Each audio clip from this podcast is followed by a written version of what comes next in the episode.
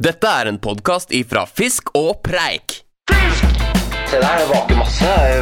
Grisedeilig! Det er, det er noe annet enn i Norge. ikke sant? Her er en liten fisk. Det er en fisk under to kilo. Det var mer gress enn vann. Fjerde gang han tok, så satt han på i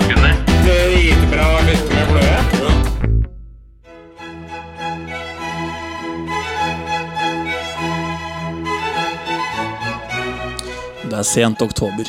Snart er det november. Den fine maidagen kjennes fjernt. Det er nesten helt tomt på kontoret. Halv fem. Jeg tenker at alt var ikke bedre før i tiden. Før fikk man ikke tur-retur Cancún for 4-7, inkludert alle avgifter. Det er tomt på kontoret. Jeg bytter fane. Skjermen blir lysblå. Flats overalt. Fy fasan, det ser giftig ut. Jeg setter en nål i en litt dyp kanal mellom to øyer med hav på utsiden og flatt på innsiden på Google Mapset mitt. I beskrivelsen skriver jeg 'giftig tidevannsstrøm?' spørsmålstegn. Tiden går fort når man sitter sånn. Klokka blir halv syv. Deilig å klokke ut fra kontoret helt sist. Ser ut som den arbeid arbeidshesten, vet du. På toget på vei hjem sjekker jeg sporingsnummeret på pakken fra Flyfish Europe. Alt utstyret jeg hadde bestilt til tropisk fiske, pluss en del ting til som jeg ikke egentlig trenger. Pakken er fortsatt i Tyskland. Herregud, for et håpløst logistikksystem. Heldigvis er ikke av avreise før om en drøy måned. Plenty av tid både til å binde fluer og motta pakke. Fluer, ja. Tropiske fluer, ja. Jeg talte over. Fire ganger har jeg vært på sjøstrand for å teste tropiske fluer. De flyter fortsatt delvis med kroken ned. Faen. Jeg kjøpte en krabbeimitasjon på XXL da jeg var innom for å kjøpe jakthansker. Sånne med bar pekefinger. En grønn krabbeinvitasjon. Skeiv og stygg. Men kroken, den skjøt i været uansett. Uansett hvilken, hvilken vinkel jeg klasket fluen i vannet med. Men hvor smart kan den permiten være, da? Eller bonefishen? Den spiser sikkert mine òg. Oi, Oi, oi, oi. Jeg fikk sånn eh, Jeg fikk et lite sånn eh, Ble veldig overrasket. Ja. For jeg trodde at vi skulle til, eh, tilbake til dette markavannet hvor det blåste, og forholdene ble fort elendige. Men nå er det, nå er det sommeren er forbi, og fisket har vært dårlig. Og nå skal vi til tropiske strøk. Det var deilig. Det var deilig å høre på. Ja, og veldig åpen slutt. Det likte jeg. Uh, ja, det er noen som skal spinne videre på det her. Ja, det her Neste er gjest, kanskje. Skal vi, skal vi eh, Hvis du skulle vært uh, på en måte en lærer nå, hvordan tilbakemeldingen ville gitt? Nei, altså, fremførelse fem. Mm. Ehm, fem minus. Det var ikke noe bedre. Inn, innhold, klar sekser. Mm. Appellerer veldig til meg som lærer. Og det, det tror jeg er viktig som lærer, at du må liksom appellere til læreren. Ja. Um, så totalvurdering fem pluss. Ja. Eller, Ja, jeg er fornøyd med. ja, jeg er enig. Jeg Henger på fikk jo, for å ta opp igjen en karakter på norsk, eh, Trond Fikk fem. ja, jeg kunne vært lærer. Ja. Du fikk fem. Ja, fikk fem, ja. Mm, Muntlig og skriftlig. Tre, tre nynorsk. Ja, det blir spennende. Ja. Det er faktisk min tur eh, neste gang, tror jeg. Eh, Neste gang skal- Og fly videre. Ja. Det blir spennende å se hvor vi ender opp. Nei, men tusen, tusen takk for intro, Ja, Bjørn. tusen takk. eh, Det var det eneste vi krevde av deg for at du skulle komme hit. Eh, Velkommen, Bjørn Hartmann. Takk. Bjørn, Jeg skal ikke tulle med navnet ditt. Bjørn Hartmann. Uh, ja. Og velkommen til alle lyttere òg, da. Ja. Til en ny episode av Fisk og preik. Ja, velkommen. Vi sitter jo nå i Studio Valle. Dette er jo det mest avanserte av alle studioene vi disponerer. Eh, det, er, det er et veldig bra studio. Utrolig vanskelig og farlig å komme seg hit. Ja, du klagde litt på veien, eh, Tobias, om at eh, det var så mange skumle mennesker. Uh. Altså, jeg måtte ta T-banen eh, for å komme hit. Sitter på T-banen, kommer til Jernbanetorget. Det er så mye mennesker. Aner ikke hvor jeg skal gjøre av meg. Jeg får helt fnatt. For du bor jo i Lillehammer, du. Ja, I, langt ja, i skauen. ja, så folk generelt Ja, T-banen veldig langt. Jeg tror jeg er litt sånn allergisk mot folk. Ja. Og så kommer jeg videre. Grønland. Er ikke det neste stopp? Jo, du kjører ja. Ensjø. Helsfyr. Dørene åpnes. Jeg går av. Ikke en kjeft, ikke sant? Og det er det farligste når det ikke er noen på T-banestoppet. Men hvis det er én eller to personer der, som det var, da Altså, den står oppi gangen der. står litt oppi i gangen der. Står med, med liksom med, med foten eh, opp etter veggen. Ja, og hendene sånn i Ja, lomma, ja, med ja. med liksom store lommer. Ja. Og så går det oppover, og hetta på, og sånn, litt sånn tar seg altså, litt, sånn- litt sånn mørkt og skummelt. Går oppover der, og så liksom Ok, nå begynner du å tenke. Nå begynner hjertet å banke. Se på flisene på veggen der. Der er det skrevet i blod på veggen et eller annet sjukt. sjukt. Man kan ikke fokusere på det, du må bare gå videre. Vær Være klar for at eh, en rask bevegelse herfra nå. Løp som faen. Jeg kom meg frem, Ja, du gjorde det. Det var eh, men eh, som det, var, det var så vidt. Nei, sånn er det her oppe i Valle. Vi, vi, vi, vi skuer jo utover Intility stadion, Vålerenga stadion, eh, for dem som er interessert i fotball. Er det ikke hockey? Det, er, det er der, det er på venstre side. Det er Valhall. Der er du i fotball, og der er du ishockey. Når slutta, slutta de å spille på Ullevål, da? Det er lenge siden. Et par år siden. da. Så, ja. Eh, så sånn er det. Eh, hva har skjedd siden sist? Må vi bare kjapt gjennom, eh, Tobias. Vi skal komme tilbake til Bjørn der, for han har gjort masse. For, altså, du har jo Altså, det blir kjempespennende. Du har vært med i podkasten før, vet du. Eh, På Rena Fiskehjem, som en liten sånn Eller noe live, live podcast. Livesending. Så jeg husker ikke akkurat hva du gjorde, men jeg kan tenke på at du har, gjort mye, der, ja. du har gjort mye siden sist. Så det blir veldig gøy. Vi begynner med Tobias, da. Ja, eh, det var jo Harorama dagen eh, vi, eh, vi, vi klarte jo aldri å ta den seieren hjem på Harorama. Nei, det var Men det starta godt. Vi nymfa jo opp flere har. masse her. Og hvilken dato var det? 20. oktober eh, eller noe sånt? Og klokka to Det var tre grader i lufta og vind. Klokka to begynte å klekke som faen. Ja, det gjorde det faktisk. Det klekka dritbra, vet du.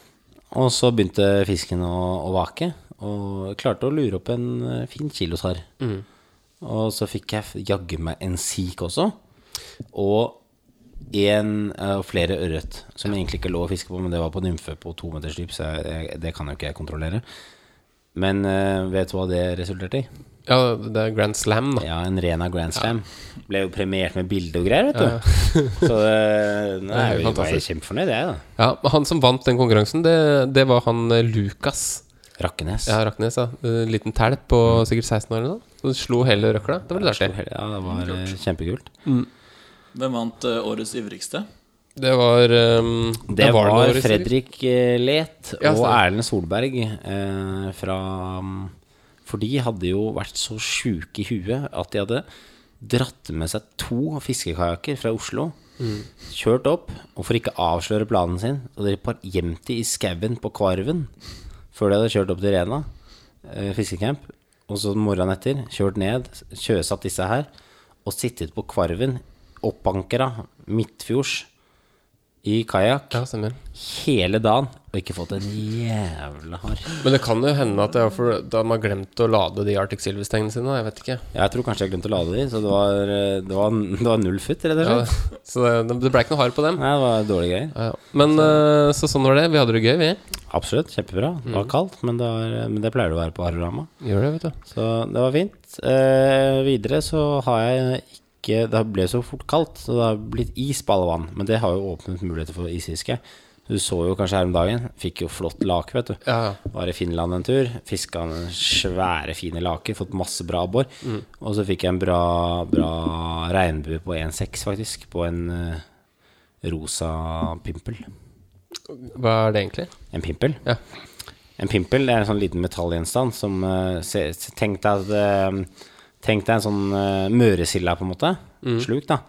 Uten den trebelkroken i bunn. Men så har du en senestump mellom uh. Mellom eh, bunnen av kroken, Ja. nei, bunnen av sluken, Eh, ja. ned til en sånn uh, lyskrok, en liten, liten trebelkrok, okay. med uh, gjerne en sånn der eh, fluoreserende grønn Og skape litt lys? grønn sånn der, refleksjoner og sånn? eh, limknott, på en måte, som du agner med maggot. Okay. Og grunnen til at du fisker med pimpel, det er at uh, istedenfor mormyrska, da, den synker mye fortere, Okay. sånn at du fisker mer effektivt. Jeg tror det er derfor. Da. Ja, det, er, det, det, Men jeg er ganske, okay. blitt ganske god på det isfiskespillet, i hvert fall. Så jeg, det er så dataspill eh, for dem som lurer. Så du har ikke fysisk vært i Finland?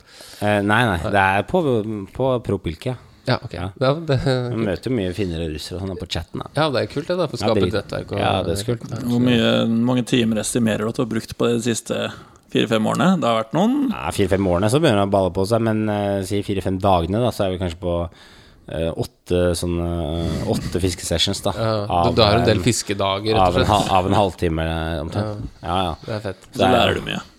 Lærer veldig mye om teknikker og Mm. sånn. Og så er det jo lære mye om Så hvis jeg skal til disse vannene senere, eh, så vet jeg jo akkurat hvor jeg skal dra. Men er, det, er det på en måte Er det Det er ekte sjøøre, ja.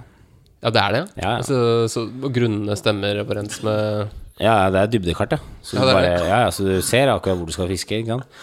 Så er det Men jeg, Er det på Mjøsa òg, eller? Sånn at du kan bare tusle Bare finske sjøer. Bare finske sjøer? Ja. Er det noen flinke pilkere som har vært med å utvikle, da, på en måte, som liksom har sagt at Ja, der må du plassere og Ja, Det kan godt hende. Jeg fis- fis- fisker jo mest på den serveren som heter 123RUS. Altså, Det er en russisk server, da.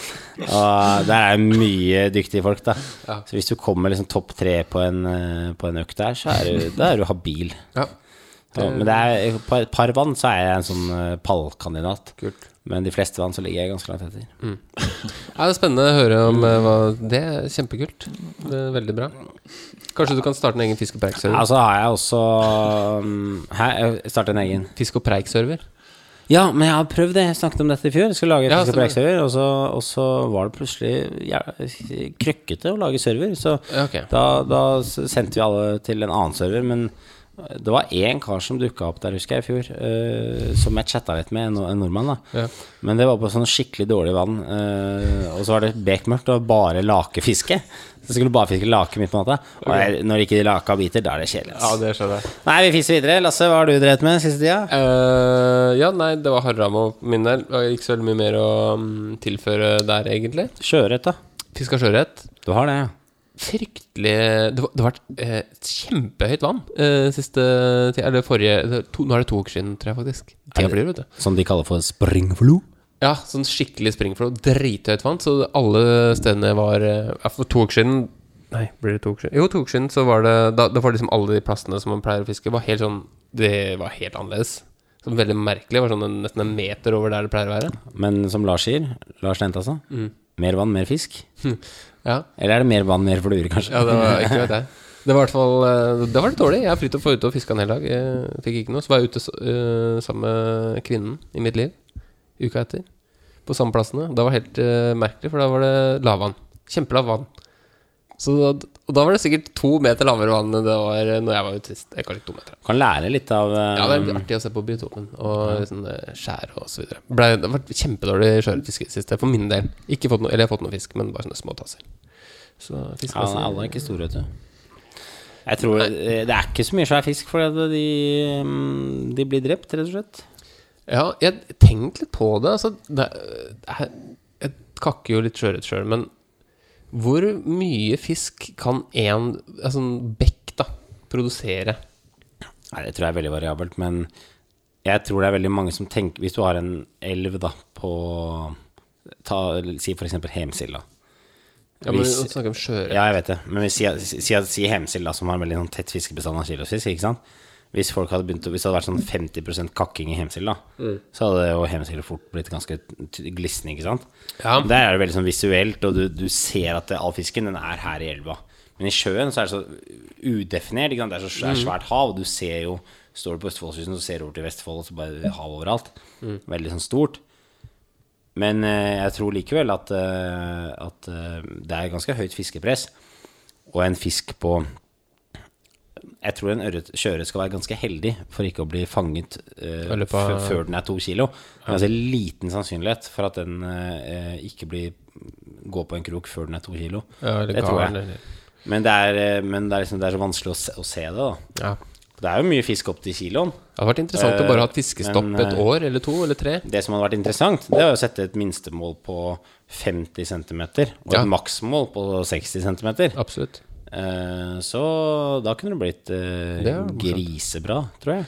Ja, de... Fordi jeg har lest Skjell, eh, alder, Mm. på noen kjørete fra Jeløya, som har vært på 1,4-1,5. Og de har vært seks og syv, eh, rundt seks-syv vintre, da. Mm.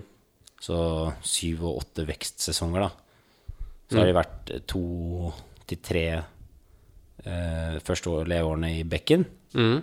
Og så vandrer de ut i havet, så er det liksom fire-fem år i havet, da. Hvor de er antar at de er fangbare, ikke sant? Mm.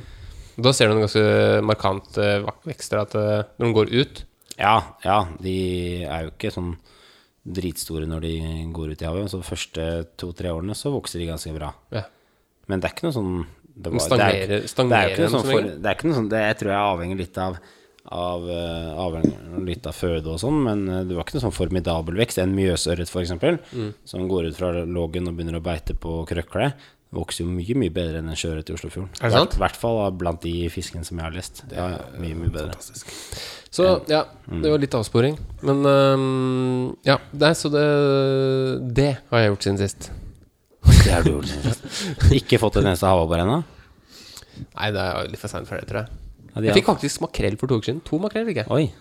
Uh, veldig Varmrøkt? Uh, jeg burde kakka det, men jeg orker ikke. Det er mye styr med den fisken. Altså. Orker ikke. Nei, men uh, uh, nå får vi ta gjesten vår Jeg skal introdusere Har ikke vi gjestingel?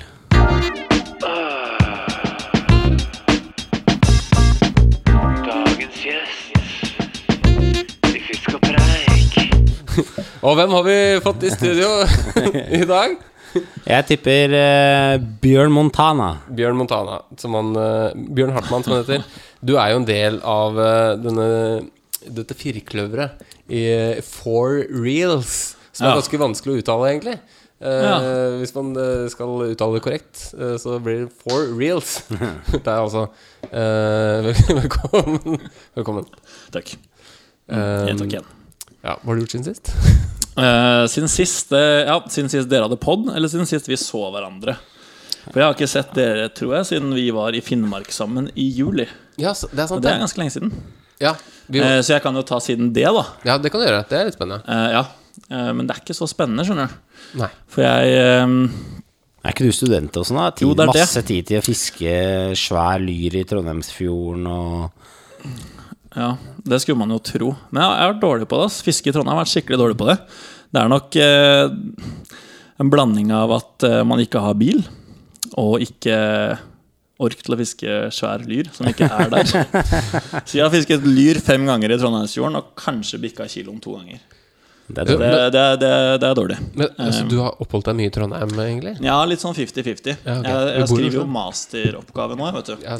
Og det som er, er at eh, jeg kom i gang litt sent, somlete som jeg er.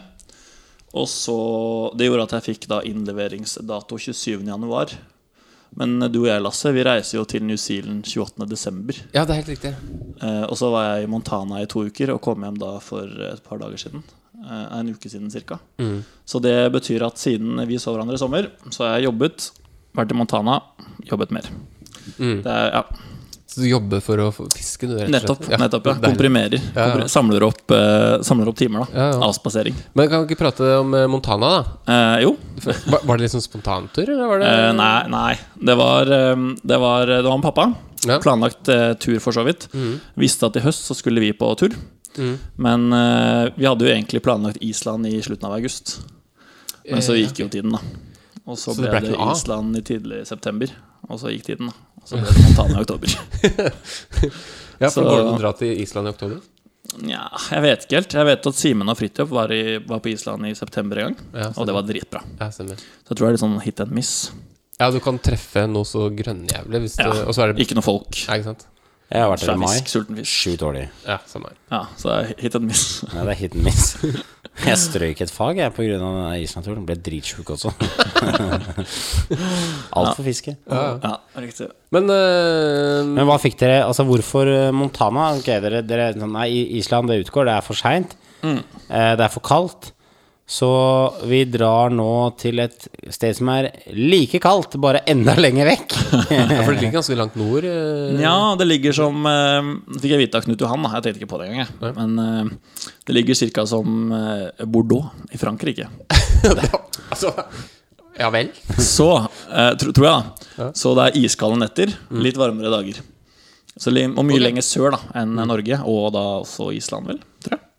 Og så er det litt uh, annerledes uh, Jeg vet ikke hva det er som er annerledes, men det klekker høyt? som faen i minusgrader. Det er det som er annerledes. Hva, hva, ikke hva klekker da? Det Noen noe små greier. Ja, mygg. Ja, masse mygg. Det var noen ganger vi hadde minus fire og vind og masse snø. Okay. Og bare 15 fisk per pol som bare head and tail. Men Ja, eh, helt, helt merkelig. hvordan oppfører den myggen seg når den da sitter på vannfilmen, og det er fire minus? Sitter den og dirrer, liksom? i- Fordi den er så Lett, lett bytte, vet du. Fra, fra. Fra sør. Nei, jeg vet ikke, jeg vet ikke hvordan det er. jeg. Det er veldig spesielt. Men snakka dere med om de lokale? Forventa de liksom Ja, det klekker hver dag? Eller de var sånn Ja, det er helt normalt? Uh, ja, jeg tror, de, jeg tror det er ganske normalt at du både klekker uh, mygg og de der bluing olives da, som de snakker om. I, Ja, eh, det er døgnfluer. det er døgnfluer. Det er små bajettiser. Mm. Krok, liksom. Bitte smått. 24, kanskje. Bitte Kjempe, Og da, og, da Kjempevrient. fisk, og da fisker man med krok 24. Ja, ja, vi, du står og river deg i håret, men det er, det er litt kult, da. Det er liksom er det annerledes. syv, må ha x da, for å komme gjennom krokøyet. Ja. 6-7 X og Oi. ofte en sånn Det du gjør, da, at du setter på en eh, 14-kroks eh, parachute, og så trailer du Ja, for du med liksom 20 eh, cm med en flue i størrelse 24, og, hvis, eh, og så vaker det så mye at det bare Og hvis den parachuten går ned, da Riktig. løfter du på en måte? Men Du, du kan ikke, fortelle- sjanse til å se at uh, Det, Nei, i hvert fall med litt sånn glare på Og så er det, det er veldig sånn eh, em, close, da. Fiske er veldig korte kast og sånn ofte. Men eh, du, du, du skal slite med å se den Men vi må bare kjø- vi slå opp i ordboka her nå, for nå er det veldig mye fremmedord her. Ja, det er, det, er, det Det er eh, trailing, og så er det glare, og så er det eh, veldig, veldig sånn close. Det er Close close. så er de tre. Men hva mener du med, hva mener du med at du må traile noe etter en krok 14 parachute? Ja, da, da tar du en liten senestump, og så fester du den i krokbøyen eller krokøyet på en større flue. da Sånn at du 20-30 cm bak en større flue har en bitte liten flue. Det blir som en nappindikator. slags napp- nappindikator, ja. Og det er rett og slett for at det skal bli lettere for deg å se. Nettopp. andre. Mm. Men du opplevde aldri at eh, de fiskene som du fiska på, tok den svære krokfjorten? 14? da? Det skjedde én gang. Av 30 000 og 50 vak. Oi. Altså, det, altså, det er- Det er som å vinne i Lotto. da. det er som å vinne lotto, ja. Men eh, også hvis det er mye glare på vannet, hva, hva skjer da? Da er det vanskelig. Da er det vanskelig. Du ser jo fortsatt den store flua. Gjenskinn. Gjenskinn, ja. Ja. Skinn, ja. Kinn. Ja, Den lille er det bare å glemme, men eh, Mm. den store ser du, da. Men du bruker aldri å se på f.eks. Um, uh, hvis du legger et kast og strekker fortommen ganske bra, Mm. så kan du jo kanskje se på, på flu, enden av fluelina når den på en måte begynner å lugge litt og stoppe i strømmen, eller er det for seint da? Ja, du kan kanskje det. Jeg vet ikke helt, jeg. Det er, jeg tror det er litt seint. Altså, educated fish, vet du. Det fiskes altså så Det er som hem, Alle elvene her er jo Det fiskes masse. Masse amerikanere. Det kommer driftbåter forbi, og det er full, full fullt. Texas. Ok, det var det, ja. Ja, masse, masse. Selv i eh, oktober, det er på en måte skikkelig low season på turisme. da Okay. Men allikevel så er det bra med folk. Sånn type hemstil mye folk på en god dag? eh, Ja, Ok. det er ganske mye folk. Men du finner alltid liksom en liten sideløp fordi driftbåtene ikke går inn i. Og, Ja. Så du finner eget vann, liksom. Det er ikke noe problem. Følte du at du på en måte var på I det hele tatt var sånn at du kunne finne ut av ting sjøl, eller, eller var det på en måte hva det var, bare merka overalt, og ja. stier opp overalt, og pools var liksom veldig markert? Ja, Jeg vet ikke helt, jeg. Du, du, du finner ut av ting selv når du kommer dit. Du vet jo hvordan det er hvis noen sier 'dra til det strekket', så kommer du dit, og så gang, første gangen du er der, så er det vanskelig uansett. For jo, du kjenner jo ikke Du vet ikke hvor fisken står. Du må liksom jobbe litt, da. Men jeg vet ikke hvorfor, men det er altså så vanvittig fisketetthet der borte at det er ikke noe problem å finne fisk. Ja, hva kan man forvente? Jeg, jeg så du sendte en snap, da. Der det sto Ja. Det var på sånn 10 kvadratmeter, liksom, så sto det 15 fisk og bare Ja. rulla i Ja. drittvær. Det var liksom Ja. snø og satans oldemor. Det, det er liksom standarden. Jeg tror det er ganske standard hvis du får overskyet vær da, og kaldt. Snittstørrelsen, da? Uh, er, fisken er mye støpt sånn i samme formen, erfarte jeg i hvert fall. Så du, du tar sikkert tre kiloser der, og sånn, men liksom si mellom 7 hekt og 1,3, da, så ligger det veldig, veldig mye. Og det er jo kult, men ja, det er veldig, veldig kult og veldig annerledes fiske. Men jeg føler sånn rent fiskemessig så er det litt for sjukt. Ok, det er, Det er liksom bare Det er fisk overalt, og du, hvis du velger å fiske med nymfe, så kan du få masse fisk, liksom. Og, Gjorde så- du det? Ja, vi gjorde jo det på de dagene det var Av en eller annen grunn så er det Alt avhenger av skyer og drittvær, da. Som døgnfluer ofte. Okay. Så på strålende soldager så vaka du ingenting. Okay. Da sto vi der nymfet, da. Merkelig. Og der smokka det på. Men det er brunørret der? Regnbue. 70-30 favør eh, brunørret. Ikke noe cutthroat? Nei, i Yellowstone National Park er det masse, men der fisket ikke vi. Ok. Men hva, hva, Mm. hva koster det som å dra til Montana og fiske i de elvene her? Vi fant ut at eh, totalt for turen um, med flybilletter og bo, og vi spiste på restaurant hver dag. Skikkelig sånn kosefiske. Så tror jeg vi betalte 50 000 for ti dagers fiske. Og to personer. To personer. Og det, da er ikke fiskekortet det dyre, liksom. Det er som på New Zealand. Du kjøper et kort som gjelder for hele staten Montana. Så kan du fiske der du vil. Med mindre du vil fiske Spring Creeks. Da er det litt dyrere og litt sånn privat og sånn. Ja, ok.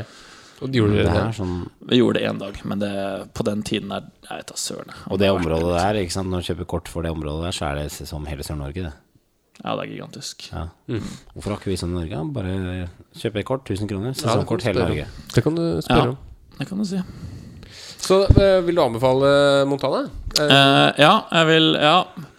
Jeg syns det var det dritkult å ha vært der. Fordi det er altså, altså Fluefiske er stort der. Vi, var, vi bodde i to-tre forskjellige sånne små, små tettsteder. Og si det er fem-seks fluesjapper da, i hvert tettsted. Oi, okay. det er helt sjukt. I Norge, hva har du? Én fluesjappe i Oslo, kanskje. Ja, ja. Resten selger mest sluk. Ja. Så, så var så communityen var på en måte Dritkult. Ja, og altså, det er hjort overalt. Og i Norge er kanskje totalt sett et par roadkills av hjort. Der var det overalt. Det lå liksom det, Det var liksom Kjørte du en time, så så du to-tre roadkills. Liksom. På- hjort, liksom. Ja, forskjellige hjortedyr. Livsfarlig å kjøre det. Ja. Livsfarlig å kjøre på natten. Men hva, har man, ikke- har ikke, sliter de ikke med skrantesjuke der? Jeg vet ikke. Ja, De, ja. Jeg fikk høre at det var eh, syv millioner eh, hjort og en snau million mennesker. ja, ikke sant. Oi. Så hjortejakt er ganske stort der? Jeg tror hjortejakt er ganske sjukt der. Oi. Masse jegere, masse fiskere. Skikkelig sånn, du føler du har kommet hjem, da. Ja. Vi kan kanskje tipse den Jegerpodden. De kan jo snakke om, uh, Ja, om hjortejakt i Montana. Send han derre mm, Han som var ute et helt år uten å ha noe til eh, Hva heter han? Klausen. Ja, det var jo bare juks alt sammen, vet du. Ja, han bodde masse på På hotell. og koste seg og bare klødde seg på pungen og så på TV. Men eh, du har vært og reist mye, Bjørn. Du har vært på Bornholm. Eh, Ja, det, det, det, henger, det henger høyt. Bornholm, New Zealand, Cola. Eh, så har du vært eh, på Christmas Island. Er det noe sted du ikke har vært nå? Og Ja, masse. Det er sånn, Når man sier det sånn, så høres det ut som det har vært mange steder. Nei, men det har vært mange steder. Og det, men det har jo dere også. Men det er, det er noe med en sånn forbannelse at du, du kommer hjem fra tre uker et sted, og så går det to dager, og så tenker du faen, jeg har ikke, jeg har ikke vært noen steder på lenge. Det er, bare- litt som, eh, det er litt som damer, tenker jeg. Å ja. Man, man prøver masse forskjellig, men til slutt så må man bare lande på et eller annet. Ja, du landa på Namsen. Ja, ja, men så blir man Ja, men du er liksom i din prøvetestperiode, da. ja, riktig. Så du tenker at om et par år så vil jeg bare fiske ett sted? Ja. For det, det er Ja, det det er som har skjedd med deg, Lasse. Du har jo prøvd masse forskjellig. Ja. Og så har du landa på en trøndelags lakseelv i ja Trøndelag. blitt veldig fascinert. Akkurat der hvor dama di er fra. Ja. Smålagselv på Fosen er altså Ja. det beste verden har å by på. Litt sånn glissen bestand. Å, deilig. Ikke noe folk, vet du. Og dritbillig. for Fisk er gratis. Heaven. Nei, men eh, hva, hva er liksom eh, Hvis du skulle prøvd noe nytt nå, da? Hva er det Hva er det? Noe nytt, ja. Ah, si det. Jeg vet ikke helt, jeg. Skulle man hatt uendelig med penger, så skulle man jo dratt til sånn Alphonse eller noe. Men eh, tja Jeg vet ikke, jeg har ikke gjort noe i Sør-Amerika, da. Jeg vet ikke, Det har kanskje ikke dere heller? Frister det, eller? Ja, mm, altså litt Dorado i, Dorado er det kult. i elvene i Sør-Amerika. Men vi er jo litt sånn at vi har jo Vi liker å finne ut av ting sjøl. Og så har vi aldri hatt flust av spenn, så det er sånn vi, Det er veldig mye av det fisket har vært som har drevet med som har vært sånn do it yourself, da. Ja. Du har jo vært på Bahamas og kjørt uh, alt aleine. Um, Christmas Island var jo do it yourself, alt mulig. Så, og en sånn der fisk, sånn jungelelver oppi eh, kanten av Amazonas, i Bolivia f.eks., etter Dorado. Det er Det er fullt mulig. Du må bare du må dra på riktig sesong, da. Og står den der, så tar den, ikke sant? Ja, står der, tar den, ikke sant? Sammen med de gutta som var i eh, pont, eh, Hva heter det? Bellybåt nedi Ja, Amazon tapam. Tapam, Mm. Det har Det er ikke jo- Nå vet ikke hva dere prater fisker Tarpen fra bellybåt. Drar ned to karer, en bellybåt og fluestenger, liksom, og svømmer rundt blant krokodiller. Ja, det var akkurat det første jeg tenkte. Var, uh... Nei, visstnok. Jeg vet ikke helt, jeg. Det, det hørtes skummelt ut. ser jævlig fett ut, i hvert fall. De blir taua rundt, da. Ok, så de, og de blir taua av båter, ja? Av fisk, ja. fisk, ja. Gigantiske ja, tarpen. ja. Oi, oi, oi. 100 kilos tarpen Nei. i en bellybåt. Det ser helt sjukt ut. Den må du se. Tapam. Det er Ok. Ukas anbefaling. Ja. Tapam. Jeg Men- tror, ja, det er, det er artig. En sånn eh, fiskedrøm vi har, da. Neste destinasjon, det er jo Tobias og Fridtjof jeg har snakket litt om. å for det du kan gjøre, da, du kan fly til Miami, f.eks. Mm. Og så kan du kjøpe en brukt Flats-båt For en 20 000-30 000. Billig, vet du. Billig. Tenk å ha det, og så fiser du nedover. Fisker redfish i Louisiana, litt sånn tarpon i Florida Keys. Bare bomse litt rundt i Uniten. Ja, det, det, Leier, leier Airbnb-hus nede på i Keys. 700 spenn natten, ikke sant, med dokking. Altså øh, med Ja, ja, båtplass, skjønner. da. Ja. Kjøper en sånn uh, liten rakker. Og så den første dagen så stiller du opp aleine og leier guide, da. Ja. Eller to pers leier guide. Så viser han deg alle plassene. Mm. Dagen etter drar du ut med din egen båt. Kan fiske alle de Ja, plassene. det er sant. Bare der hele juni, fiske på Migrating Poons. Ja, for de kommer i juni, ja. Jeg tror det. Okay. Ja, tror det. Mai-juni. Ja, det virker ganske sykt, de greiene der. Mm. Men er det, er, det, er det fordi at de, eh, de følger sånne mark... eh, De følger masse mark. Mark. Meitemark som Ja, men- svømmer i overflaten. Ja, men det er sånn, Så det, ja, men følger det de er etter. svære mark, er det ikke det de går og svære beiter mark, på? ja, svære mark som følger Nei, jeg vet da faen. Ja, jeg har hørt noe greier om det. Er det ikke, ikke er det ikke, det, Nei, men jeg trodde det her var uh, mer Altså Og gytevandring er gyteatferd. Ja, det kan de- godt være. For det Det er, det er jo, det er jo veldig mye jo- stasjonær tarpon rundt omkring, men de som driver og migrerer, det er jo gjerne mye større individer. Ja, Ja. de som er gytemodne, Ja, ikke sant? ja, de som skal, ja, de, de har noe å gjøre, liksom. Men Ja. de dem kommer jo gjerne forbi De kommer forbi Mexico òg. Det er Ja, jo De altså, kommer forbi mange steder. Du må Ja. bare stå på De riktig de Bahamas og. Mexico. ja, ja. Men det er bare fordi at de kommer forbi, da. De bare stikker forbi. Men jeg tror, de er jeg tror på en måte de er tilgjengelige i det Miami-området ganske lenge. Og så er det ganske sånn store fletsområder. Ja. Eh, Jeg lurer på det om det er så kjent i Miami bare fordi det er mye amerikanere med videokameraer og Instagram-brukere hende. der, eller om det bare er jævlig bra. Videokameraer. Videokameraer. Ja.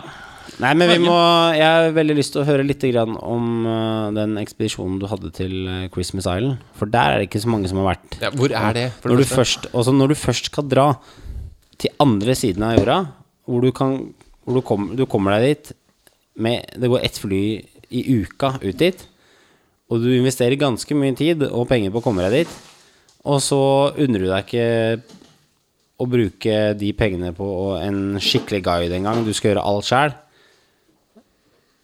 Hvordan eh, Jeg vil høre litt om, høre litt om det. Hva, hva fikk deg til å, å bare gjøre det der? Ja, tingen er at Når du er på New Zealand, så er det jo mye kortere enn når du er i Norge. Til Christmas Island Og det er en veldig sånn kjent GT-destinasjon. For det ligger sør for um, Indonesia, gjør det ikke det? Eh, nei, det ligger øst Sør. for Fiji og vest for Hawaii.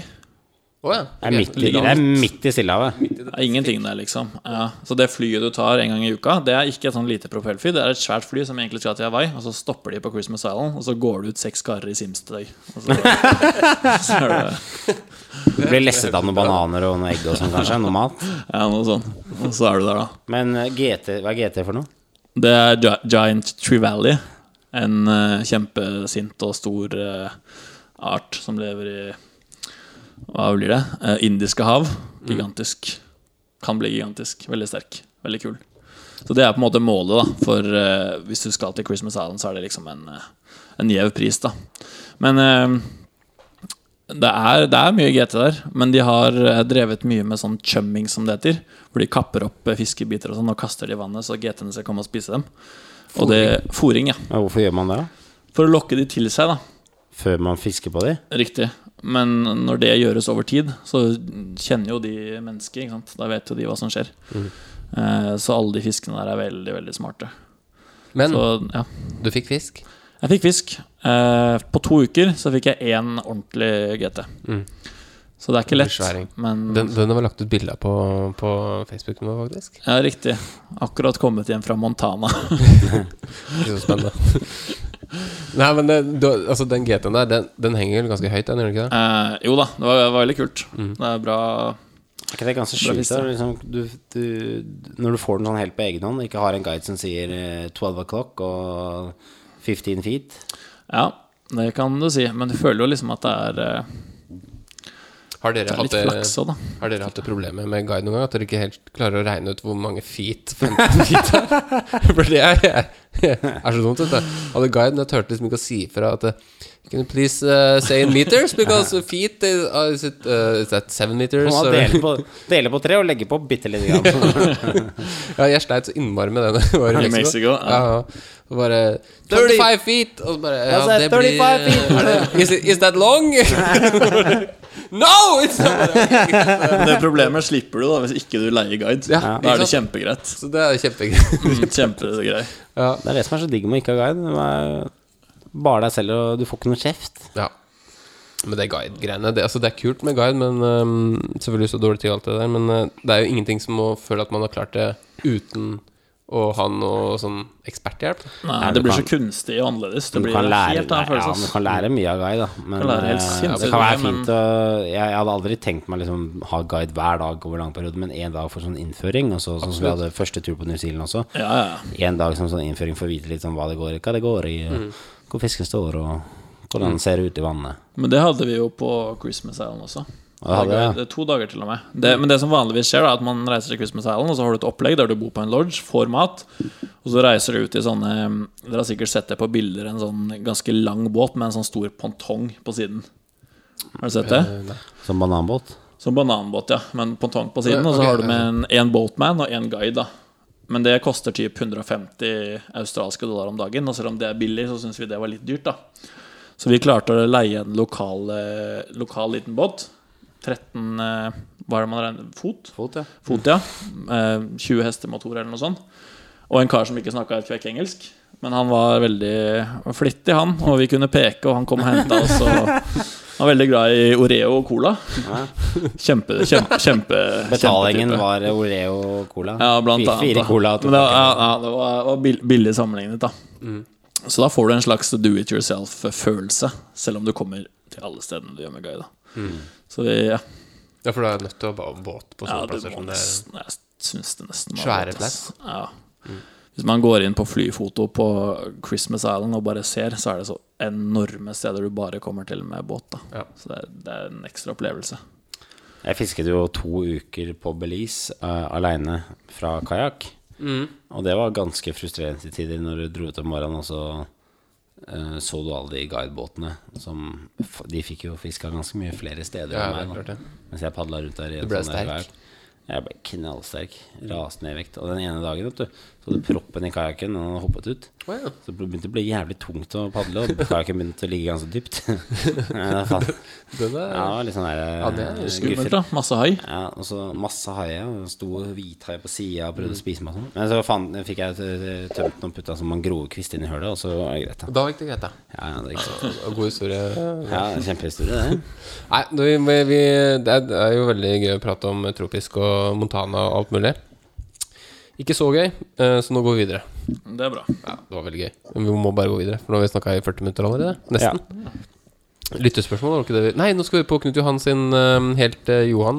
han har Ja, Knut, Knut Johan har kommet med eh, nytt bidrag her. Det er lenge siden vi har hørt fra han, så det blir veldig spennende. Ja, Skal vi bare kjøre i gang med det, da? Kjøre Knut Johan. Da- Vær så god. Stor fisk i store, flotte omgivelser. Og seriøse fluefiskere har ikke planer åtte måneder fram. Sånn at det ser ut som et telt fra forfra og bakfra, men ikke fra siden. Det er stor fisk i store, flotte omgivelser. Er just in case. Jeg syns Rena er penest hvis du er litt full. Det er jo kjempesmart. Er du helt sikker? spør hun. Jeg merker at jeg blir irritert, og svarer muligens litt kort ja. Er du helt sikker? spør hun igjen, og da går det i svart. Ja visst pokker er jeg sikker. Jeg er en voksen mann.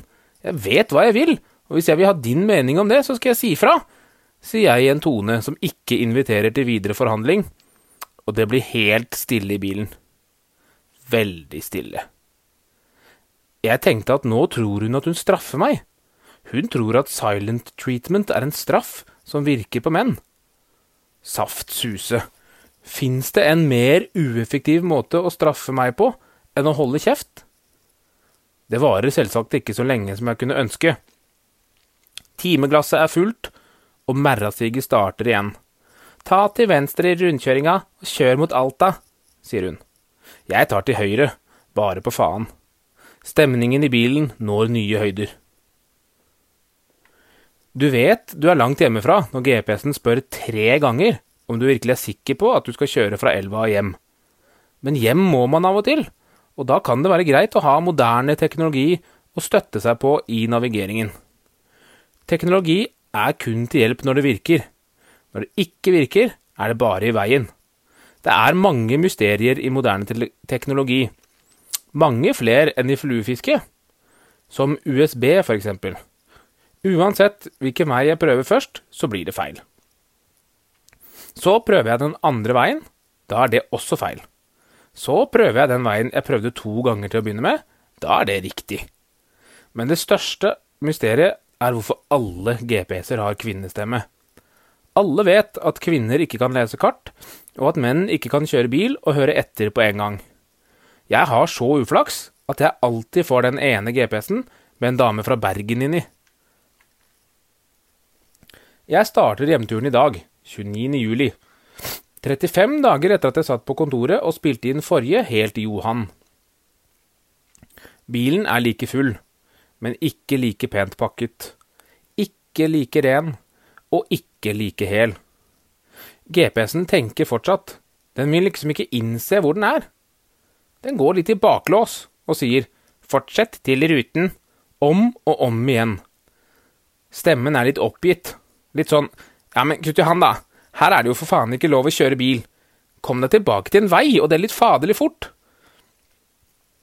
Det høres ut som jeg bare er én feilkjøring unna at GPS-en kommer med hele navnet mitt først i setningen. Når kona, mora eller GPS-en din bruker alle navnene dine, da er du virkelig ute på vidda. GPS-en og jeg blir venner igjen, et navnløst sted én time nord for Karesuando, nord i Sverige. Jeg har hatt tid til å tenke, og kjerringa i GPS-en har hatt tid til å spole tilbake stemmebåndene. Kvinner snorker nemlig ikke, de bare spoler tilbake. Tiden er inne for forsoning og ettertanke. Jeg tar til fornuften, lukker igjen vinduet og fester GPS-en tilbake på frontruta. Hun forteller at jeg skal fortsette rett fram i 205 km til Gjellivare, før jeg skal ta andre avkjøring i rundkjøringa. Jeg kjører 205 km og tar til høyre, bare på faen. Det har vært en ganske lang fisketur, med alt som en ekte fisketur skal ha. Opptur, nedtur, utur, bomtur og retur. I løpet av 35 dager var jeg for tidlig, for høyt, for dypt, for grunt, for varmt, for kaldt og for sen. Det var en rar sommer også i nord. Gresset var brunt, og vannet var fem grader ved ankomst. Fem dager senere var det grønt og 18 grader i vannet. Det var ingen vårflom. Elva gikk rett i sommervannstand og sank for hver dag som gikk. Det var fantastiske klekkinger og ekstremt bra fiske, og jeg gledet meg til ukevis med Aurevilli. Det tok seks dager, så var alt klekt. Det er lettere å være på familietur i fint vær enn det var den kalde og våte sommeren i 2017. Men når seksåringen bader i røyvannet i timevis, da er det mye som tyder på at fisket kan bli litt trått. På veien opp hørte jeg på hardrock og podkaster om fanging. Det var en helt annen feeling på den roadtrippen på vei til fisket enn det er nå på vei hjem. Bilen rister kraftig hvis jeg kjører i over 96 km i timen, på grunn av at jeg måtte prøve å kjøre et sted hvor jeg tenkte at opp der går det neppe an å kjøre. Aircondition virker ikke, så vinduene må være på gløtt. Halve Sverige brenner, og det er den varmeste dagen som noensinne er målt i Sverige. Jeg velger selvsagt denne dagen til å kjøre gjennom nesten hele Sverige uten aircondition, uten et fungerende mellomakselkryss og med en tiltagende diesellekkasje etter altfor mange mil på diverse ATV-løyper. På en hjemtur må man gjøre opp status, og når man må kjøre i maks 96 km i 1895 km helt alene, så rekker man det. Det er varmt, det rister, og det er jævlig langt igjen. Jeg setter på Bows hodetelefoner for å dempe støyen fra de åpne vinduene, og hører på Cormac McCarthy, The Road. En passe dyster bok. Halve Sverige brenner, så bilen lukter svett fluefisker, gamle vadere og skogbrann. Bilen lekker diesel, så jeg ser av og til i speilet og bare venter på å se flammene fra skogbrannen følge mitt dieselspor ned hele E45. Jeg lurer på om dieselflamme beveger seg raskere enn 96 km i timen. For hvis jeg kjører fortere, så rister det mer. Da lekker det mer. Og da vil det vel også brenne mer. Sånn er livet med gamle biler. Men jeg er fluefisker. Jeg liker motstand. Det skal være motgang, lidelse og utfordring. Ellers hadde jeg kjørt Tesla og fisket med garn. I, i år ha, hadde jeg stort sett alle fluene jeg trengte, men med noen unntak. Det var kraftige fjærmygglekinger i starten av turen, så jeg gikk tom for CDC mokkpalmer. Det var unormalt varmt, sånn at klekkinger som normalt ikke starter før langt utpå ettersommeren, kom tidlig. Jeg hadde ikke med Danica-boksen min. Det var en tabbe. Alt turutstyret fungerte perfekt, og jeg har ikke drasset på noe unødvendig utstyr. Alt gikk etter planen, bortsett fra været. Neste år blir det bedre vær. Neste år skal jeg dra litt før. Neste år skal jeg bli litt lengre. Neste år skal jeg ordne bilen før avreise. Neste år skal jeg ha med Danica-boksen, for da er jeg garantert å aldri mer se en Danica. Neste år skal jeg ha aircondition. Hei! Åh, Oh, lite spørsmål. Oh, yeah. Åh, Ja, det er Litt spørsmål. Hei! Et lite. I fisk og preik. Lite i fisk og preik. Hva er det du sa for noe, Bjørn, rett før eh, jingeren her? eh?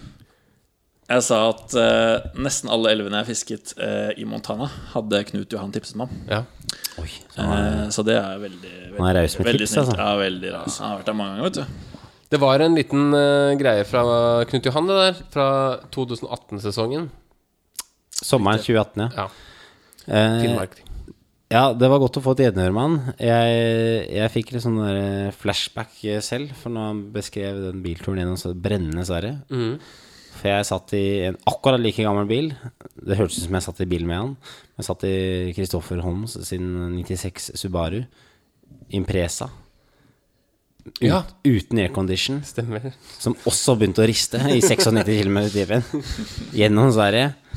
Den hadde cruisekontroll, derimot. da Den hadde det? Ja, ja. Oi, det var jo eh, eh, og, og elektriske vinduer foran. Men utover det så var det ganske likt. Og, og det var ganske, ganske krise. Ja, nei, men uh, takk for bidrag, Knut Johan. Um, Satser på å få, en, uh, få litt flere utover um, fisk- og preik-sesongen. Vi må få en sånn, vinter, eh, en sånn vinterstatus. Hva skjer på vinteren på Hurum? Ja, jeg skal snakke litt med henne, se om jeg klarer å få til det. Nei, men Det var det ålreit å, å, å høre fra han. Men det er lyttespørsmål Lyttespørsmål? mm, Vi får bare kline til. Vil du begynne, Tobias? Jeg kan begynne. Vi, fikk, vi spurte jo, eller etterspurte lytterspørsmål på, på Facebook i den siste posten, og da skriver bare Bjørnar Neteland Laksepod? Spørsmålstegn. Svar nei, vi går videre. Svar nei, vi går videre. Ja, men det, Eh. det, det, ok, nå, okay nå, nå- skal dere bare høre her. Fordi Apropos for Bjørnar, han gidder ikke å skrive meldinger. Han sender talemeldinger. Jeg vet ikke om dere har eh, opplevd det? Ja, det er jo helt genialt. Ja, Sitte i Den bilen. siste, siste meldinga. For rett etter han hadde spurt laksebåt, så sender han meg den meldinga her. Skal vi se. God morgen. Um, skal vi kjøre til en podd, eller? Bror kommer nok eh, til Oslo på fredag. Det hadde jo vært fett å få til noe da. Så det må bli fredag, lørdag eller søndag. Søndag skal vi i barnedåp. Helsing eh, Helsing eh, Nav. Ja. Det, det, men hvor var han? Det hørtes ut som han var i, barnet det hørtes ut som han var i barnedåp. Ja, Han har masse barn i bakgrunnen. Kjempesmart, da, med Ja. sånn lyd og trenger ikke noe emojis for å uttrykke følelse. Noe. Det er Nei, nei, kjempe, Men du har latt deg inspirere av det, for du har begynt å sende masse talemeldinger. Og I går så satt jeg i stua eh, med familien og fikk talemeldingen av deg, og tenkte jeg Lasse, vel, han er som en hest. Eh, He, helt uberegnelig, ikke sant? Kan finne på hva som helst. Så jeg turte ikke å spille disse ta- talemeldingene i stua. Okay. Jeg spurte jo Lasse eh, Kan jeg spille dette i stua. Og familien Nei, ikke spill det, du. Vent litt. Det jeg, har glemt det. Jeg har ikke, jeg har ikke hørt det ennå. Kanskje jeg skal spille det nå. Nei, det er ikke Ja, det er ikke farlig. Det er det ikke. Det kan jeg si. Men det, det er ikke noe underholdning i det, tror jeg. Nei, okay. Eller jeg prøvde, jeg prøvde på en ny karakter. Åh, det kan jo være artig, da. Ja, det kan være Prøv, da. Skal vi se Skal om det, vi- det kan være kjempedårlig. Det er bare å klippe vekk hvis det ikke er gøy. For Nei, det, men, er, vi, er eh, vi, vi klipper jo ikke podkasten. men vi kan jo svare mens jeg finner det frem. Så kan vi jo Laksepod. svare Ja, det, det, vi skal få til det, Bjørnar. Du må bare stille opp, så stiller vi med mikk. Det er ikke noe verre enn, verre enn det, egentlig. Men da kanskje jeg og de to brødrene. Det blir litt uh, Det kan bli one man show fra, fra Bergen, det, altså. Men det kan jo være Det kan jo være artig, det. Kan ikke det? da? Jo da, vi kan eh, Vi får se hva vi får til der. og Det, det er ikke noen mulighet. Hadde du noen flere spørsmål, eller? Ja, men nå prøver jeg å finne din talemelding her. Ja, Hvor er det du sendte den, da? jeg sendte den på Fisk og preik. eh, nå begynner det å bli Dette, er- dette Nå er treig du her. Ja, nei, men nå er, det, nå er den her hvert øgonblikk. Her har jeg den her. Det skal jeg, ok, jeg har den her. Jeg kan bare ta den. Ja, spill nå, da. Det er ikke noe gøy. Jeg har en ny karakter jeg gjerne vil presentere på Fisk og preik. Heter Ivar Skrimsnes. Han er en fleipete type som driver med sjøørretfiske nede i Tvedestrand. Det er et utrolig trivelig sted.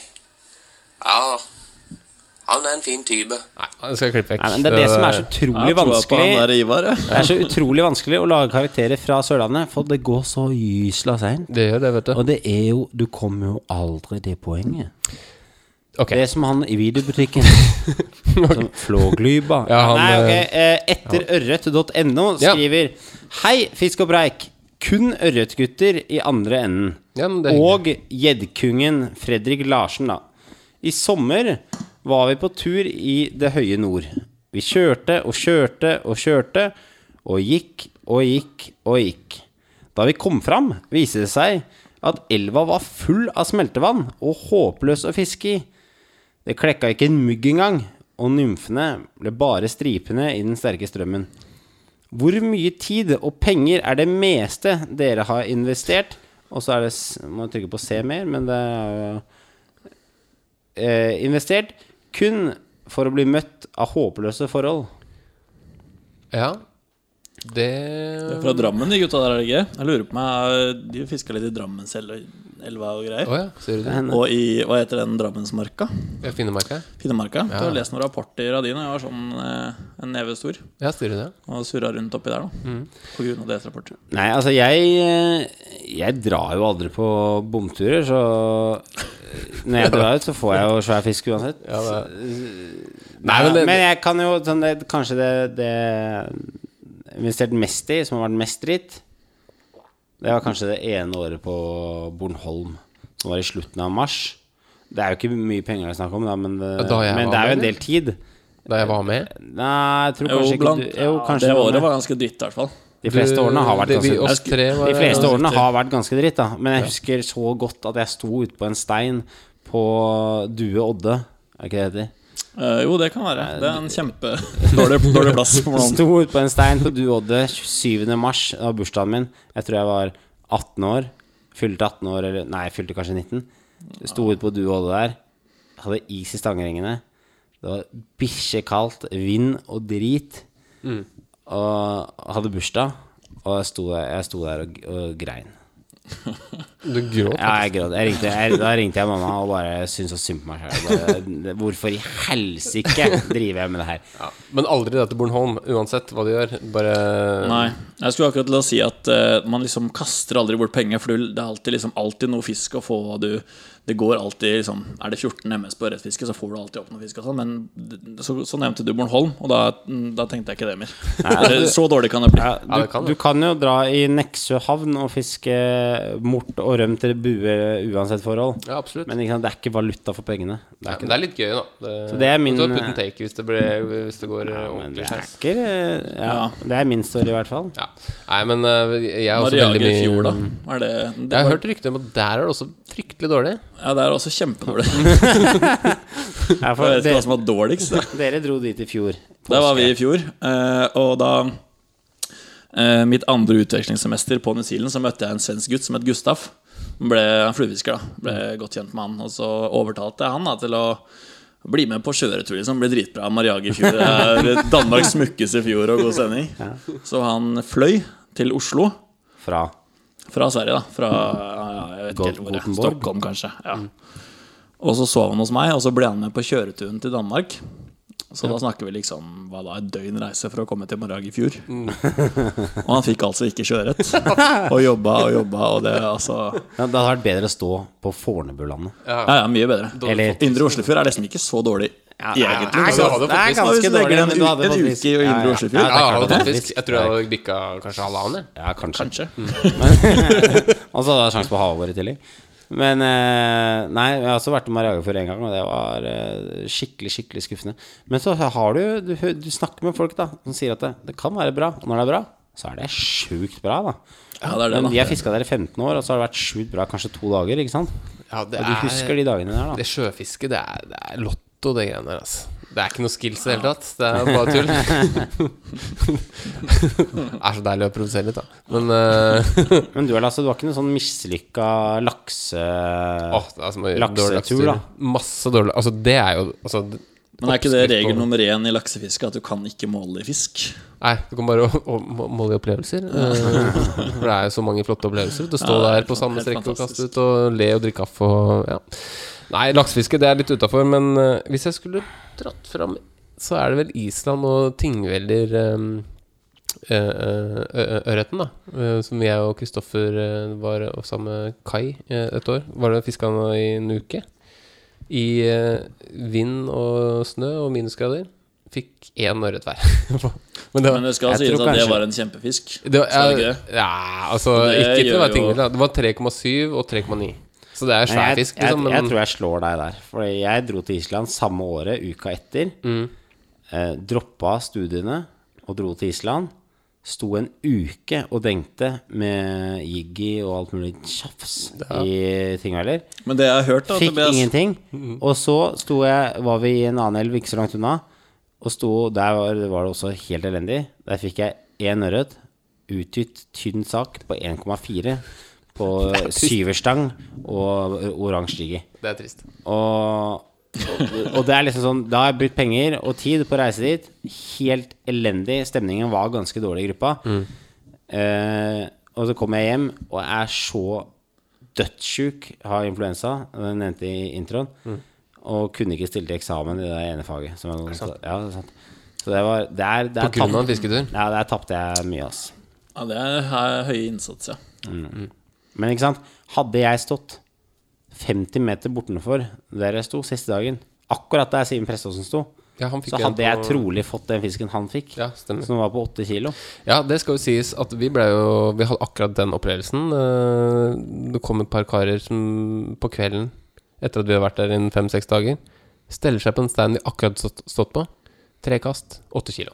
Det er sjukt. Vi- Laksefiske, vet du. Det var han derre um, Fredrik Nei, hva heter han der svensken som jobber på Angler? eh, Ja, hva var det han? Ja, hva heter han Eh. Ja, eh, Dennis. Robert. Robert. Robert, ja. Veldig hyggelig fyr. Men uh, fryktelig men Han får noen svære fisk på den Ja, ja, altså, ja, ikke sant? Uh, stemmer. Han er en luring. Han er en, han er luring. Han lur, han. Fantastic Mr. Trout. Ja, Fantastic Mr. Trout på Instagram. Han, han stelte seg rett og slett Han kom ned og stelte seg på den steinen og kasta ut og Åtte kilo. Eneste Og så fikk kompisen hans på seks på bare sånn fem minutter seinere. Det er sjukt, ass.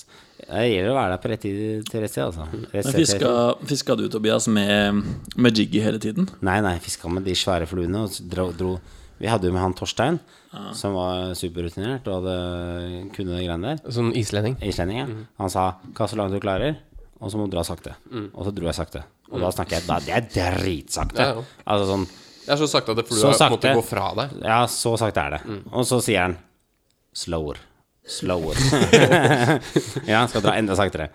Så det, det han gjorde, det var å kaste så langt han kunne, og så dro han supersakte i sånn fem-seks meter. Og så måka han det inn, da, eh, og kasta ut på nytt. Men eh, jeg sto der og dro så seint at jeg, jeg gikk jo så ofte i bunn, da, i lavasteinen. Og, og retta ut kroker og røkfluer og alt mulig rart. Ja, jeg vet ikke om du må dra så seint, jeg. Nitrist. Fikk ikke fisk. Oppsigende på den turen, da, det som liksom gjorde at eh, turen var litt verdt, verdt pengene, var at jeg fikk mens Simen løp og henta kamera, så fikk jeg kjøre den åtte kilosen litt, da. Du fikk kjøre. Ja, så jeg har kjørt åtte kilo sørrest i- på Island. Det er faktisk. Det er så trist, det. Men det var liksom ikke, opplevelsen var ikke så god heller, for at han sveiver jo med Han kaster med høyre og sveiver med venstre. Mm. Så alt ble motsatt for meg, så jeg var ikke så komfortabel med å gjøre det. Så var jeg livredd for å miste fisken også. Du, Vi går videre til neste spørsmål. Det var veldig engasjerende spørsmål der. Ja, bra men, eh, spørsmål. veldig, Et av de bedre spørsmålene. Ehm, ja, uh, da bare tar jeg et spørsmål, dere. Uh, Hei sann. Hørt på dere siden starten. Første gang jeg sender inn spørsmål. Det var jo veldig hyggelig. ja. Nå som isen legger seg på våre mange vann, står nok en gang, en gang fluebindsesongen på trappene. I forbindelse med at den mørke sesongen er her, hvordan skal man finne igjen motivasjonen til å sette seg ved bindestikken? Hvilke refleksjoner har dere knyttet til dette temaet? Skal man ty til voksenbrus, eller sette på gamle episoder med fisk og preik? Hilsen Even Haug. Motivasjoner til, å, altså, til å sette seg bak bindestikka altså her, her har vi en eh, fyr som ikke er så glad i å binde. Ganske likt som oss, tenker jeg. Ja. Men uh, det er mye Tobias, du er, er ikke dere ganske glad i å binde fluer, da? Jeg er veldig glad i å binde. Hvis dama maser og bikkja egentlig må ut og pisse, så jeg meg, da trekker jeg meg stille og rolig tilbake opp på rommet, og så, og så binder jeg et par fluer. Ja. Jeg har litt Og sånn det- jeg, jeg, jeg klarer ikke mer enn to-tre om gangen. Nei, men ikke sant, hvis du, det er det som er Jeg tror litt av trikset Det er at du skal ikke Du må ikke ha utstyret pakka ned og rigge det opp for at nå skal du produsere til sommeren.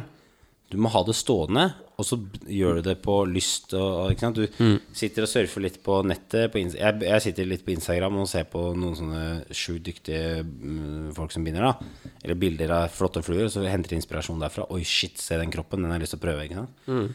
Og så setter jeg meg på rommet, og så sånn, Det blir jo liksom alltid litt sånn at på våren så blir det sånn hastebinding av mygg og døgnfluer og sånn, hvor du skal pro- bare produsere opp, ikke sant. Og det er Mm. litt mer sånn, det er ikke så kos. Men nå på vinterstid så er det mye mer sånn eksperimentering, og at jeg, jeg kan bruke 30 minutter fint da På én på én parachute, ikke sant. Ja. Sitter og prøver å gjøre den så perfekt som mulig. Og du lager noen fine fluer om dagen. og så hvis du tar to til tre sånne noen dager i uka, da, så Mm. blir det jo plutselig at eh, du har en eh, hel boks Ja. til våren, da. Det er litt som å spare i eh, pensjonsfond. Ja, akkurat. Det er helt likt, faktisk. Du sitter igjen helt på slutten med en kjempesum. Spare litt hver dag. Mm. Vokser i boksen. Uh, men, uh, men jeg syns også det er veldig inspirerende å ha noe å se fram til. da Sånn som når vi skal til New Zealand. uh, eller når, når det er sånn tre måneder til markasesongen starter. Så tenker jeg sånn at nå skal jeg lage verdens diggeste markaboks. Eller New Zealand-boks, da. Sånn som nå. Sitte, sitte og binde litt nymfer. Det er jo, det er litt hyggelig. Og så perfeksjonere fluene. Og god tid. Lage, altså Starte med sånn helt standardmønstre. Fest and tail. Bare gjør det veldig bra, så du veit hva du prater om da når du liksom binder fluer. Eller folk bare spør ja. Do you make pheasant tails? Liksom bare yeah, of, of course. Veldig andre spørsmål å Ja, rundt omkring i verden. Nei, men Do you også at make man? Oh, yes, I do. Nei da, men uh, ha litt grunnkunnskaper, da. Uh, og så kunne utvikle det derfra. En bra motivasjon. Han spurte om motivasjon. Det er jo å fylle boksen med tomme kroker. Da, det, det er helt jævlig å se på en flueboks med masse kroker. Det er som å fylle bare. på kroker. Det er kjempetips. Jeg Fylle på med kroker med kulehode på, f.eks. Mm. det, jeg har lært, det har jeg lært av deg å gjøre det, og det gjorde jeg i fjor. Og fylte en sånn bitte liten boks full av 212 Y. Eh, TMK svart eh, spinkelkrok i, i, i krok 18. Fylte jeg med Jeg fylte en boks med krok 18 i 212 Y. Tenkte det her skal bli en legendarisk myggboks. De krokene de står der fortsatt.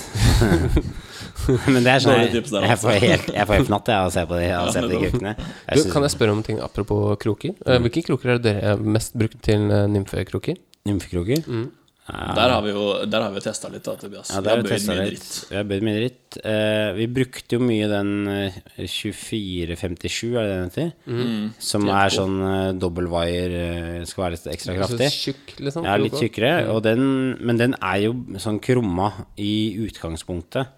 Så det tror jeg gjør den litt sånn eh, Litt svakere, egentlig. For det, vi bøyde flere av de. Mm. Men det er jo klart at den. den, den bøyde vi flere av. Men, men kurva kurvakrok? Ja, kurva. Ja. Også, men jeg føler ikke at den holder noe bedre enn TMK 100, for eksempel. Nei, Egentlig. men det er en sånn lett krok Men òg, da. TMK 100 er litt lettere, men skal du ha eh, Skal du ha liksom tunge nymfer og, og komme Da er det greit å ha litt eh, kraft Og fiske svær fisk, da. Ja, ja. Så er det greit å ha litt kraftig gods også. Det er sant. Men eh, ja, du har jo utforska kanskje litt mer enn meg, Bjørn. Ja, vi jeg vet ikke, På, på tørrfluer og sånn Så vil vi gjerne at det skal være tynn, sart krok og veldig Ja. sånn eh, digg. ikke sant? Ser bra ut. Det er Arix veldig bra. Ja, det er de som det er kan sånn godt være. Ja. Og da fisker du, i hvert fall ofte jeg med 5 eller 6X, og da er du liksom mer forsiktig, da. Mm. Men på New Zealand, i stryk og 4X, og kanskje til og med 3X, så kjører du, presser du hardt, da. Mm. Eh, så Det er eh, kroken det går eh, først, som regel. Kroken som går først, utrolig nok. Mm. Det er sterkere enn krok, altså. Ja, ja. Sterkere enn tall. Men vi begynte å bruke Kamasan. Kamasan B110. Det er bra greier, ass. Den er aldri, Den er fin. aldri Ja, det, hører, det, høres, er på navnet. det høres trygt ut. Kamasan! Det er rett fra Japan. Japanske. Kamasan, hva kalte dere Kamasan? B110. Grubber. Rubber. Den er, den er jævlig bra. Den det er, um, det er japanske snørrkunst Mm. på sitt ypperste. Oi, nå Den er ikke Den er ikke dum, altså. Nei, men da, da, det er jo et godt tips. Eh, Så går vi Jeg tror vi bare går videre. Vi må rekke et spørsmål til. Må vi ikke det? da? Jo, et spørsmål til. Halla, gutter! Østfolding som, eh, som uh, strander i Oslo her. Altså en østfolding som strander i Oslo. Ikke så langt hjemmefra, da. i hvert fall. Etter å ha blitt smittet faktisk indirekte av gammaen, av fiskeinteressen, da blir det dessverre kun med podkasten deres på vei til jobb og kjøp av utstyr når man har kone og akkurat blitt far til nummer to. Det virker som om dere får en bedre halvdel med ut på tur, og jeg tenker at isfiske er et godt sted å starte også med toåringen. Hvordan overbevise kona, og hva er Super-Agne? Og til slutt, hvor tykk bør isen være? Med venn venn- venn Nilsen Strandersen. Jeg tenker jo sånn først og fremst at isfiske er ganske dårlig inngangsportal til alt som heter fiske, fordi det er kaldt og helt statisk. Så en toåring på isen, det må jo være en dårlig oppskrift, tenker jeg. Ja, jeg mye bedre på våren. Alt er deilig og varmt og mildt. For, Og, fordelen med tidlig vinter, da, det er at isen er tynn, og du kan bore uh, mange høl. Men, og senvinter. toåringen fryser. Og se, senvinter. Tykk is, eh, varmere vær, da, men ofte uh, sjukt pes. Men toåringer de sover jo litt fortsatt midt på dagen og sånn, gjør de ikke det? Jo, jeg ville putta på toåringen en parkdress, og så gravd han ned i snøen, for det isolerer veldig godt. Og så kan han sove Du kan bare rope på når det napper, da. Men jeg ser, liksom, jeg ser liksom for meg at eh, den beste måten å få med den bedre halvdel på, da, er liksom å inkludere fiske i andre ting som folk syns er fint. da Natur, bålkos, Ja, teltliv. Kjempetips. Ikke sant? Og så snike inn litt fiske her og der. Du må sant? finne ut av hva dama er glad i. Nettopp. Liksom hva, hva som er, hun er interessert i. Nettopp. Og så, legger du fisketiden, da, den, du, den du virkelig bruker liksom, til å fokusere på fiske, det er liksom akkurat klekketimen eller klekketimene eller mm. akkurat på kveldsbettet. Men det derre isfisk da, da har du på en måte tilfredsstilt dama, ikke sånn sett, men eh, sånn Ja. på, på For eksempel hvis du er glad i å plukke sopp, da. La oss si at det er det, eller gå på topptur. dama mi er veldig glad i å gå på topptur. Da bruker du morgenen på å gå på topptur, og så, så på en måte driter du litt i dama når, det når du skal fiske, da. For at, altså Hun kan godt være med, for all del, men det er ikke det som er hovedfokus. da Akkurat da. Så du skjønner? Men Jeg skjønner, altså men jeg vet ikke helt om jeg er enig. Jeg syns isfiske ikke Jeg syns ikke det er så altfor dum um, uh, Hva heter det for noe? Inngangs... Inngangsport til fiskeinteressen. Nei. Fordi eh, du kan eh, fyre et, det du gjør Du drar ut i skauen med dame og går på ski, ikke sant? Ha med sekken, ha med litt av sag, litt av øks. Og så må du ta og partere opp et tre. Du ikke partere, du sier ikke felle tre. Så. Nei, partere treet. Parterer alle kvistene. Men det er litt viktig Det er jo ikke lov å felle dødt, eh, stående døde trær. Det er ikke lov. Nei, det er ikke lov. Så du må ta og partere opp et, et, et, et som har falt, da. Okay. Men uansett, da. Fyr bål. Lag et Ja. bål som Et skikkelig bål som å- brenner i timevis. Jo kortere bålet brenner, jo mindre fisketid. Det er bedre med en, en dårlig camp og et godt bål enn en, et dårlig bål og en god camp. Ja, helt riktig. Helt riktig. Så da finner du et Og så må, du dra til et, dra til et vann som er fullt av abbor. Og da drit i størrelse. Fullt av abbor. Okay. Du kan dra til Fagervann innerst i Maridalen f.eks. Opp fra Skar. En liten gåtur. Fyre opp bål der. Fullt av abbor. Og det er ikke så svært vann heller. Uh, isen burde være mm, når du har med en toåring Han toåringen han går på en centimeter tykk is. Så det er du som far som er, burde være mest bekymra. Men si en fire-fem centimeter, da. Tynnere enn det, så ville jeg vært litt skeptisk. Si 10 cm, da. 10 centimeter. Ja, men det er bra. Ja, ja. De er jo skeptiske eh, på 7 centimeter oppi Da stikker du på en eh, lokale sportsfiskersjappa di og kjøper tre mormyrska-stikker med nappindikator. Sånn at det er litt artig og sånn følsomt. Borer tre hull. Én boks maggot. Senker til bunn. Bare moser opp abbor. Griller pølser. Moser opp flere av Ja, ok. Da blir det stemning. Og det som er kult, da, hvis det er et minus ti Det er kanskje ikke så humant, men hvis det er dritbra bedt Det her, jeg, det her er sant. Jeg satt på Fagervann og mosa opp abbor. Det var så bra bedt, liksom. Og fikk 40 abbor, da. Ja, okay. Sånn tusenbrødre. Gøy. 10 minus. Kaster de på isen. Senker ned igjen. Får en ny. Og du, du tar deg jo ikke tid til å knekke nakken på det, ikke sant? Så du tar bare og Du bare kaster i snøen. Lars Brede Jari ringer det. Ja, han vil vel Ja, ja. Så kaster de bare i snøen, og så, når, og så fryser de og blir pinnestive, da. Mm. Kom hjem med den posen med 40 abbor, skal begynne å for du må jo, når du er, når du er ung og da skal, du skal bruke fangsten, ikke sant Mm. Ta så Dra skinnene og så steke de og til kvelds. Og så putter du alle disse i vasken med varmt vann for å tine de før du skal sløye de. Okay. Så begynner de å svømme rundt. Nei! Jo! Hæ? Helt sjukt! Jo, det er sant! Det er Er det sant. sant? Så, Det er ikke sant. det er helt sant. Så halvparten av, halvparten av de abborene Så jeg hadde 40 abbor, da. Altså, det, Er det sant? Ja, 20 abbor. Helt blinde, da, fordi da stak øynene var frossa. Okay. Men da begynner de å svømme rundt i vasken. Lever, liksom? Ja, ja! Og da har de, og da har de vært fro- ordentlig ja ned. helt nedfryst. Nei. Og så begynner de å svømme rundt i vasken. Nei. Jo, det er sant. Det er jo det er Og det er, Men, men det her er jo? Dette blir jo en helt ny sånn eh, Det er helt sjukt. Og da, da drar du med den fisketuren hjem, og så blir det bare fisketuren enda kulere. det, Altså, det er jo Og så kan du, men kast i badekaret. Slår- og så ja, ja. Det slår et jo par alle tips. sånne, et par sånne Det slår alle tips. Et par sånne småabbor, mm. de, de kan de, de, de har det sikkert ikke så ille. De er litt kalde, bare. Og så litt dårlig syn på slutten der. Men hvor lenge kan de gå? hvor lenge det kan gå? Eller bare nedpris Nei? Si at du fisker de første abborene klokka ti om morgenen, da, og, så slø- og så putter de i vasken klokka seks på eftermiddagen. Okay. Ok. Og det funker? Svømmer rundt. Nei. Det er helt sjukt. Det er jo helt sjukt. Ja, jeg ble, jeg ble helt Du har prøvd det? Opplevd det? Ja, helt sjukt. Ja, det er helt vilt, faktisk. Det er helt vilt. Ja, det er bra tips. Ja, det er Da blir, det, da blir plutselig isfisketuren en helt ny, helt ny dimensjon. Hvis da, du Og da kan du selge skal det inn sånn ta det det, kanskje- Hvis du noen gang skal ha et håp om at din bedre halvdel skal bli med, så må hun ha en friluftsinteresse og liksom fascinasjon fascinasjon for sånn natur. da Men det der er jo bare sånn ekstrem det wow-effekt. helt- Du blir jo frelst. Men ta, hvis, du sier at du får, hvis du får 40 abbor, da, eller 20 abbor, ta og drep de med en gang, bortsett fra tre, da. Og så satser du på at en av de begynner å svømme rundt etterpå. Skal vi ta et uh, Vi er bra på å svare. Ja, det der er helt Det er, Eh, Ja, men det er sant. Det er en slags er, spilkemotivasjon for ta- egen del òg. skal vi ta ett spørsmål til eh, før vi Ja. stenger? Da kan du Da kan vi, da, du ta den, da. Jeg kan ta den. På mail. Ja, vi får bare på mail. Du må sende den på mail eller på Facebook. Uh, Ja, nettopp. Det er på? Facebook også. Fiskpreik at gmail.com. Hei, gutter. Sitter nå her midt i eksamenslesningen og drømmer meg allerede bort til neste sommers fisketurer. Har i flere år tenkt å ta en lengre fisketur i den nord nordre delen av landet, men det har aldri blitt noe av. Til sommeren er jeg endelig ferdig med studiene og ser frem til å starte voksenlivet med en skikkelig fisketur. Men tilbake til spørsmålet. I hvilken periode er det man bør planlegge turen opp til nord? Er det sånn at tidligfiske er like bra der oppe som det kan være her nede i sør? Vennlig hilsen en sliten student. Sliten, Ja, bra mann. spørsmål. Tidligfiske, er det Eh, like bra opp oppe i nord som der her nede i sør? Hva mener han da? Jeg tror, da? ja, han tenker sikkert litt sånn på las, oss la oss- la oss- Første bajetisen tidlig i juni, liksom?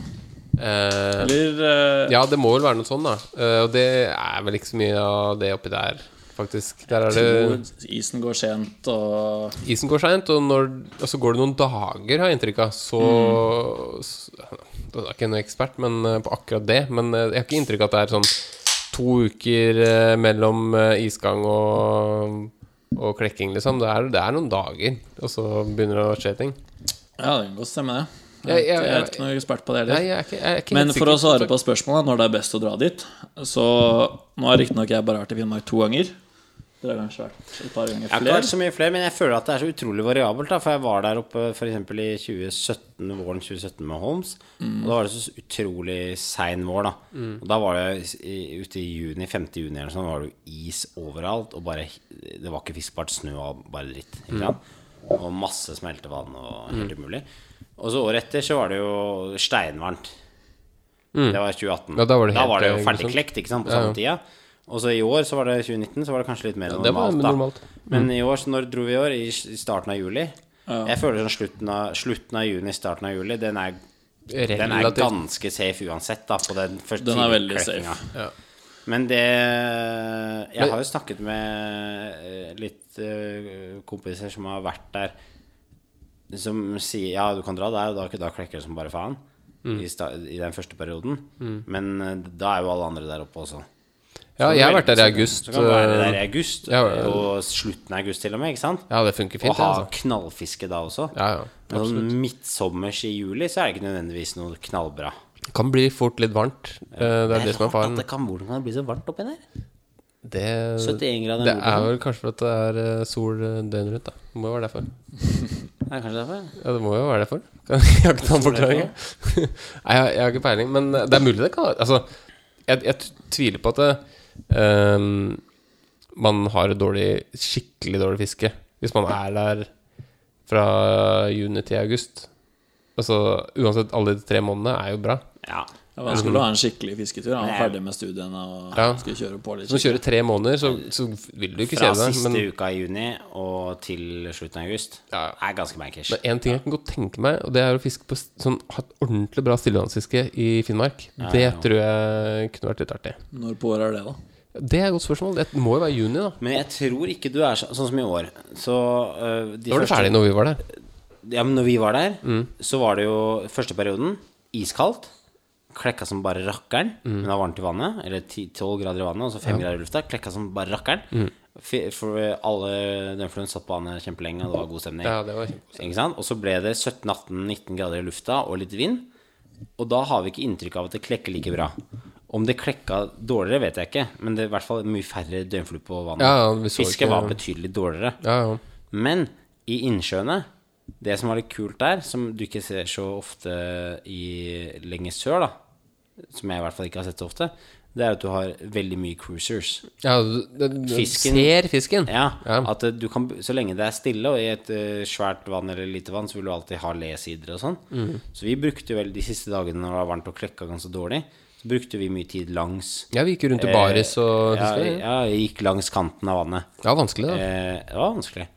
Men jeg, vi jo, fokuserte jo ganske mye på ganske små vann, men så var det ganske mye større vann i, i nærheten, som jeg var innom. Og da gikk jeg bare en 500 meter langs bredden der, og så jeg fire svære fisk som cruisa der, da. Svær fisk, vet du. Ja, svær fisk, vet du. Og den ene, den eh, Og det er litt kult, for da ser du den cruise inntil land, helt inni buska. Og så må du bare gå litt inn på land så den ikke ser deg, så løpe oppover. Og komme fremfor fisken, og så sørge for at du løper langt nok, så du har god tid. ikke sant? For hekta flua gjør Og deg der kommer vinterens treningen, ikke sant? Du må ha god form. Ja, må ha god form. Og så legger du ned gresset, legger ut flua, og så må du bare sitte og vente, og så må du bare prøve å finne fisken eh, og se den før den tar flua di. Ja, Og det, det er artig. Ja det er gøy. Og Det det er tror jeg er sånne, sånne, krusende, sånne krusende fisk, det tror jeg du finner selv om du klekker dritover. For de er på De patruljerer langs land. Og det så vi ganske mye av. Det er sant, det. Vi så Så det er kjempetips. Men det var, som sagt, det var dritvanskelig.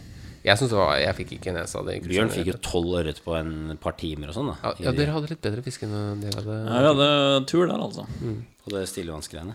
Det var kult, det. Men sånn, eh, sånn eh, generelt, da, så vil man jo kanskje ikke dra til eh, Finnmark bare for å fiske cruiser, eller?